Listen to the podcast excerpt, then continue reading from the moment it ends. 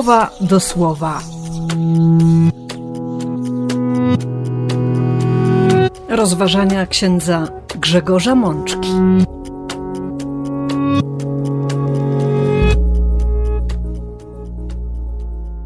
Trzecia niedziela Wielkiego Postu, rok B.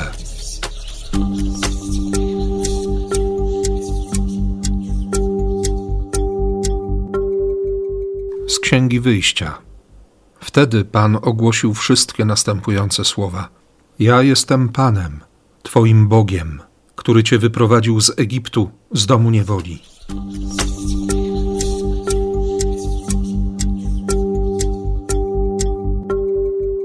Z Psalmu 19. Każda wypowiedź Pana godna wiary. Ona uczy dzieci mądrości.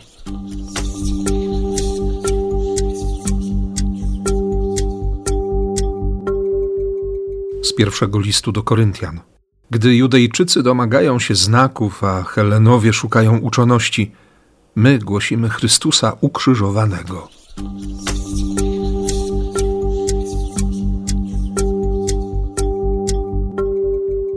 Z Ewangelii według świętego Jana. Jezus sam wiedział, co się w człowieku kryje.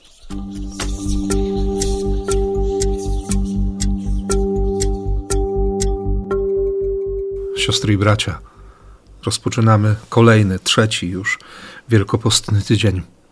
I Pan, jak to ma w zwyczaju, chce nas przez ten czas poprowadzić swoim słowem. Daje nam słowo konkretne, ważne, bardzo mocne i bardzo potrzebne jednocześnie. Bo przecież w czasach chaosu i zamętu, jakiego doświadczamy ze wszystkich możliwych stron, będąc bombardowanymi informacjami o wydarzeniach w świecie, w kościele, zastanawiając się nawet, jaką drogą mamy iść, kogo mamy słuchać, na co zwrócić uwagę.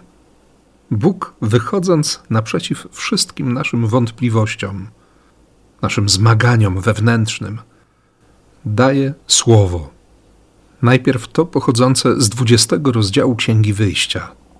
Przeczytamy we wcześniejszych wersetach, że o świcie trzeciego dnia wystąpiły grzmoty i błyskawice, a ciemna chmura ogarnęła Synaj.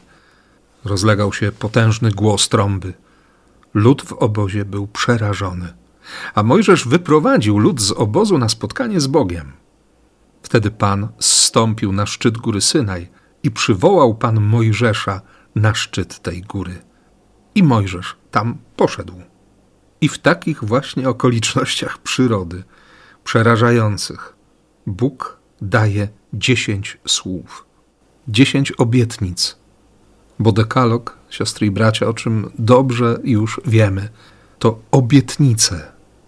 I wyliczenie tych obietnic Bóg zaczyna od obietnicy już spełnionej, od przypomnienia tego, co co w czasie wędrówki po pustyni powoli zacierało się w świadomości ludu, który musiał się mierzyć z rozmaitymi niebezpieczeństwami i który, wychodząc naprzeciw przyszłości, był zdolny do tego, by zerwać kontakt z przeszłością. Dlatego Pan rozpoczyna dekalog od wyraźnego stwierdzenia: ja jestem Panem, Twoim Bogiem, który Cię wyprowadził z Egiptu, z domu niewoli.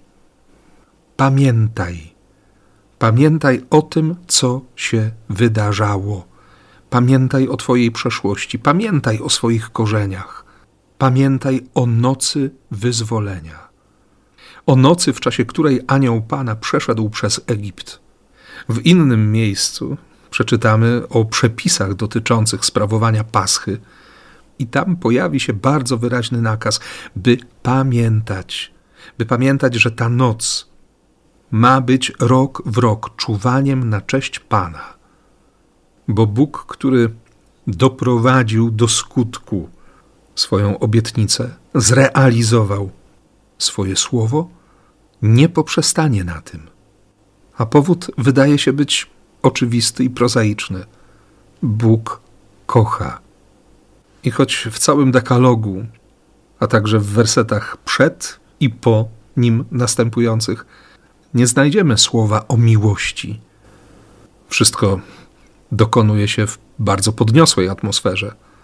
To my, obserwujący, słuchający o tych wydarzeniach, przynajmniej z perspektywy trzech tysięcy lat, wiemy, że, że chodzi o miłość, że ze względu na to, że Bóg kocha, zaprasza swój lud, zgromadzony pod górą Synaj, w miejscu wypalonym, jakby nie rokującym nadziei, a jednocześnie miejscu, które zostaje uświęcone i jest ziemią świętą ze względu na obecność Boga.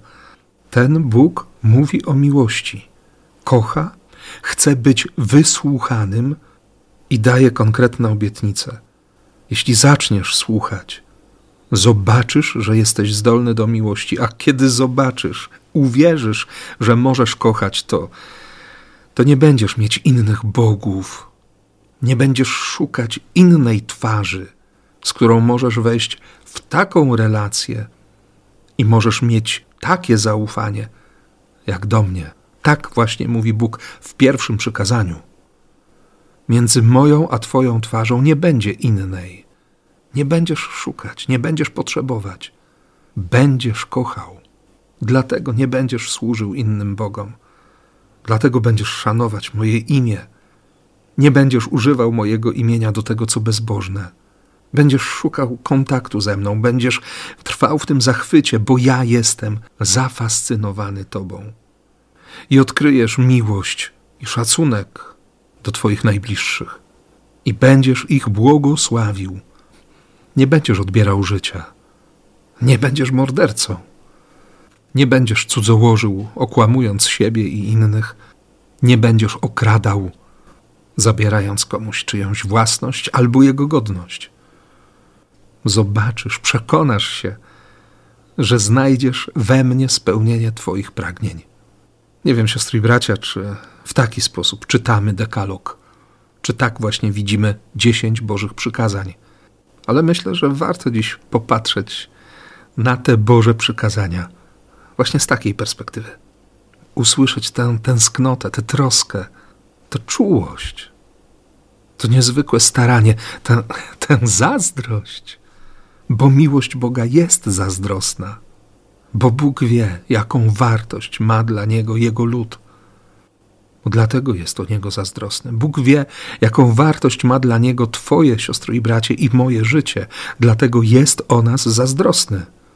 Stąd właśnie ta niezgoda w Bogu na, na nasz grzech, na nasze odejścia, na marnowanie życia i łaski. Stąd to swego rodzaju przerażenie jego serca, gdy widzi, jak lekką ręką odsuwamy od siebie błogosławieństwo i twierdzimy, że wiemy lepiej, jak wszystko powinno wyglądać. Dlatego wciąż potrzebujemy też tego przypomnienia, które słyszymy w kilku wersetach Psalmu 19. Przypomnienia o tym, że prawo Pana bez skazy i ono odwodzi ludzi od błędów, że każda wypowiedź Pana jest godna wiary. Ona uczy dzieci mądrości, że nakazy prawa pańskiego pokazują prostą drogę, napełniają serce radością, a przykazanie pańskie jest pełne blasku, daje światło oczom. Co więcej, bojaźń Pana jest święta, ona przetrwa wieki, a jego wyroki zgodne z prawdą, wszystkie razem oparte na sprawiedliwości, godne pożądania bardziej niż złoto lub kamień szlachetny, ogromny, słodsze od miodu, od całego plastra. Prawo Boga to nie tylko przepis, to nie tylko nakaz, to nie bezduszna treść Między literami prawa, między literami przykazań ukryta jest miłość. Miłość, która chce dojść do głosu, która chce się objawić. To troska o to, byśmy nie błądzili. To zaufanie, to cierpliwość, jaką okazuje się dzieciom, gdy czasami nie potrafią albo nie chcą się uczyć, ale, ale jednak zdobywają się na ten wysiłek, by, by poznać nie tylko przyswoić wiedzę, ale wejść w relacje, posmakować bliskości. Ta miłość napełnia serce radością, pokazuje drogę, daje światło, jest życiem.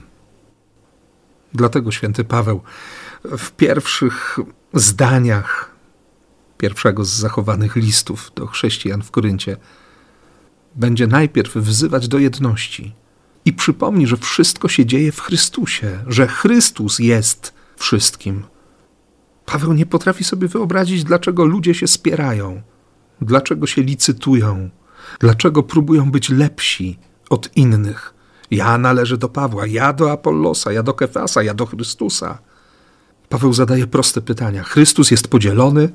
Kto został ukrzyżowany za was? Paweł?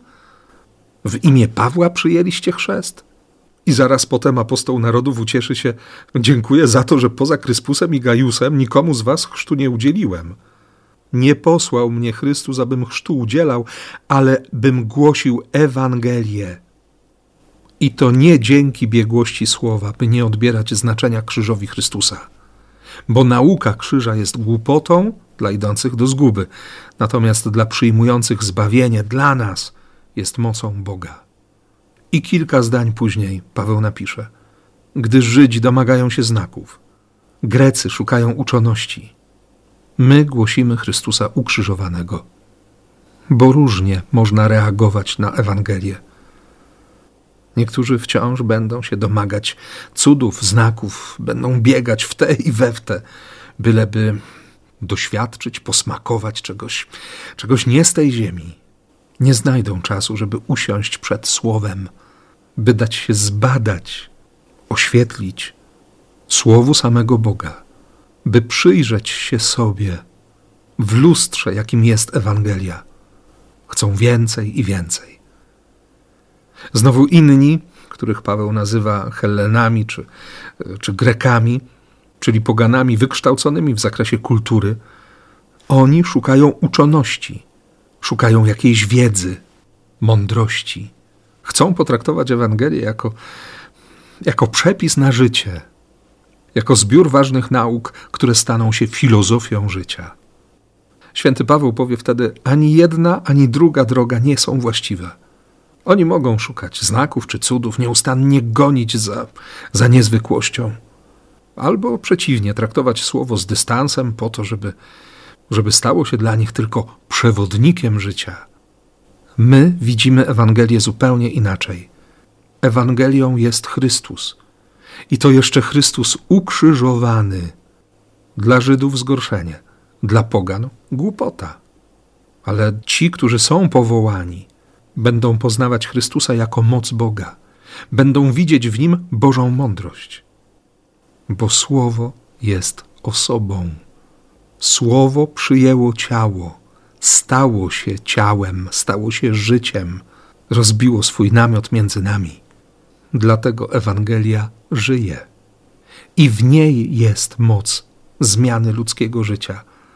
Dlatego ma być głoszona wszędzie, wszystkim i na każdy możliwy sposób. I ta Ewangelia dzieje się dziś na naszych oczach, na dziedzińcu świątynnym, w tym miejscu, które jest nazywane dziedzińcem pogan. Dobrze znamy, siostry i bracia, tę drugą część drugiego rozdziału Ewangelii w redakcji świętego Jana. Pewnie wielu z nas potrafiłoby wyrecytować ten tekst z pamięci dopiero co wydarzył się pierwszy ze znaków. Złożona przez Jezusa obietnica błogosławieństwa i jednocześnie uświadomienie uczniom, że On jest Panem młodym dla Izraela. Święty Jan zaznaczy, że po tym weselu Jezus zszedł z uczniami do Kafarnaum.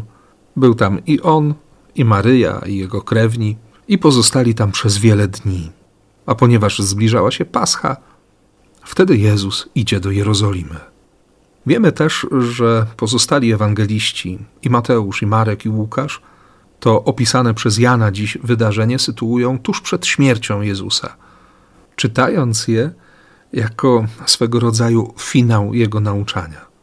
Ewangelista Jan przeciwnie, to jest początek.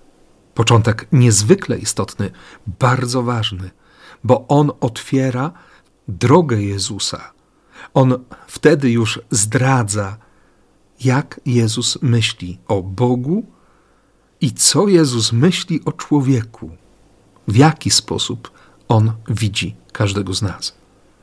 A obraz, który jawi się z tego wydarzenia, nie jest szczególnie pocieszający. Na terenie świątyni Jezus zastał sprzedających woły, owce i gołębie, a także tych, co siedząc tam wymieniali pieniądze. Niby wszystko dobrze. Ułatwienie całej działalności związanej z religijnością i kultem. Nieprawdopodobna pomoc dla wszystkich wierzących, którzy przychodzili do Jerozolimy z terenów Imperium Rzymskiego. Nie musieli ciągnąć ze sobą zwierząt na ofiarę, nie musieli się martwić o to, że, że nie mają przy sobie waluty obowiązującej na terenie świątynnym, bo, bo przecież ktoś może ją wymienić. Mogą to zrobić w kantorach, które znajdują się właśnie na dziedzińcu Pogan. Jezus dobrze o tym wie, więc dlaczego robi to, co robi?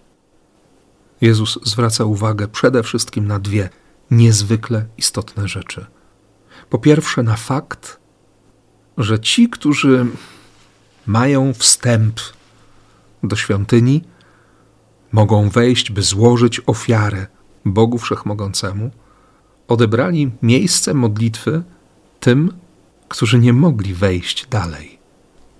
Nie przypadkiem ten plac nazywał się dziedzińcem Pogan. To było specjalnie wyznaczone miejsce dla tych, którzy nie należeli do narodu wybranego, a chcieli pokłonić się Bogu, chcieli zatrzymać się w modlitwie. A chyba każdy z nas dobrze wie, że trudno się modlić, gdy wokół jest harmider, hałas, brzęk przesypywanych monet, odgłosy zwierząt i ludzi dobijających ze sobą targu. Wystarczy, siostry i bracia, przejść się wokół niektórych kościołów w czasie sumy odpustowej gdy wokół świątyni umiejscowione są różne stragany, kramy i w najlepsze odbywa się tak zwany odpustowy handel, bo trzeba mieć pamiątkę z odpustu. Trudno oczywiście porównywać to, co działo się na terenie świątynnym i było związane z kultem Boga, a tym chaosem rozmaitych świecidełek, sztucznych ogni, i rozmaitej zabawy, która nie ma nic wspólnego ze świętowaniem religijnym uroczystości odpustowych w naszych parafiach. Ale myślę, że trudność w modlitwie i w jednym, i w drugim przypadku była bardzo podobna. Więc Jezus chce oczyścić to miejsce, przywrócić mu pierwotne znaczenie. Warto też zwrócić uwagę na fakt, że Jezus mimo potężnego gniewu, które znajduje swój wyraz w spleceniu tego bicza ze sznurów i akcie wypędzenia wszystkich z dziedzińca pogan, nie stosuje przemocy wobec człowieka. On tam nikogo nie skrzywdził, nikogo nie uderzył. Rozpędził zwierzęta, nakazał zabrać klatki z gołębiami, rozsypał monety ale wobec żadnego ze sprzedających nie zastosował środków przymusu bezpośredniego czy jakiejkolwiek przemocy fizycznej. Dobrze jest o tym pamiętać. Ale to oczywiście nie jedyny motyw Bożego działania w tamtym miejscu, w tamtym czasie. Chodzi o coś więcej. Gdy po chwili odpowie na zarzut, dlaczego to czyni i jakim znakiem się wykaże, że ma prawo czynić takie rzeczy, gdy odpowiedzią Jezusa będzie: Zbóżcie tę świątynię, a w trzy dni ją odbuduje, wtedy właśnie sięgnie do sedna całego wydarzenia. Kim jest Jezus? Czym jest świątynia? Ta przestrzeń ma być miejscem spotkania. Spotkania ojca z dziećmi, dzieci z ojcem. Tu nie może być mowy o dobijaniu targu Panie Boże, zrobię dla Ciebie to, a Ty mi odpłacisz. Ja Cię bardzo proszę o to i, i poprę tę prośbę jeszcze. Jezus zadaje w tym momencie bardzo prowokacyjne pytanie: Na ile wyceniasz miłość? Jaka jest cena relacji z Bogiem? Ile to kosztuje? Czy można sobie kupić miłość? Czy da się wycenić wierność? czy kocha się za coś. Ostatnie zdanie tego fragmentu Ewangelii przypomina, że, że Chrystus wie, co się w nas kryje. Zna nasze serca. Dlatego nieustannie będzie nam przypominał i będzie nas uczył, że miłość nie jest transakcją wiązaną, że nie kocha się za coś albo dla czegoś. I choć czasami trudno to przyjąć, bo, bo jesteśmy mocno przywiązani do tych wołów, owiec, gołębi, bo lubimy mieć wszystko poukładane, bo niestety często sądzimy, że, że można sobie zapracować, zasłużyć na łaskę, na błogosławieństwo. Dlatego właśnie Chrystus wciąż będzie przychodził do naszej świątyni i będzie nam tłumaczył, nieraz dość gwałtownie, że Ojciec Niebieski kocha na zupełnie innych niż nasze zasadach. I że największa miłość potrafi zwyciężyć, potrafi zwyciężyć na krzyżu, w największej bezradności i bezbronności. Wtedy właśnie okazuje się najbardziej skuteczna. Oby nam nie zabrakło wiary w tę miłość i miłości, która wierzy Bogu. Życzę Wam tego, siostry i bracia, na te kolejne wielkopostne dni. Amen.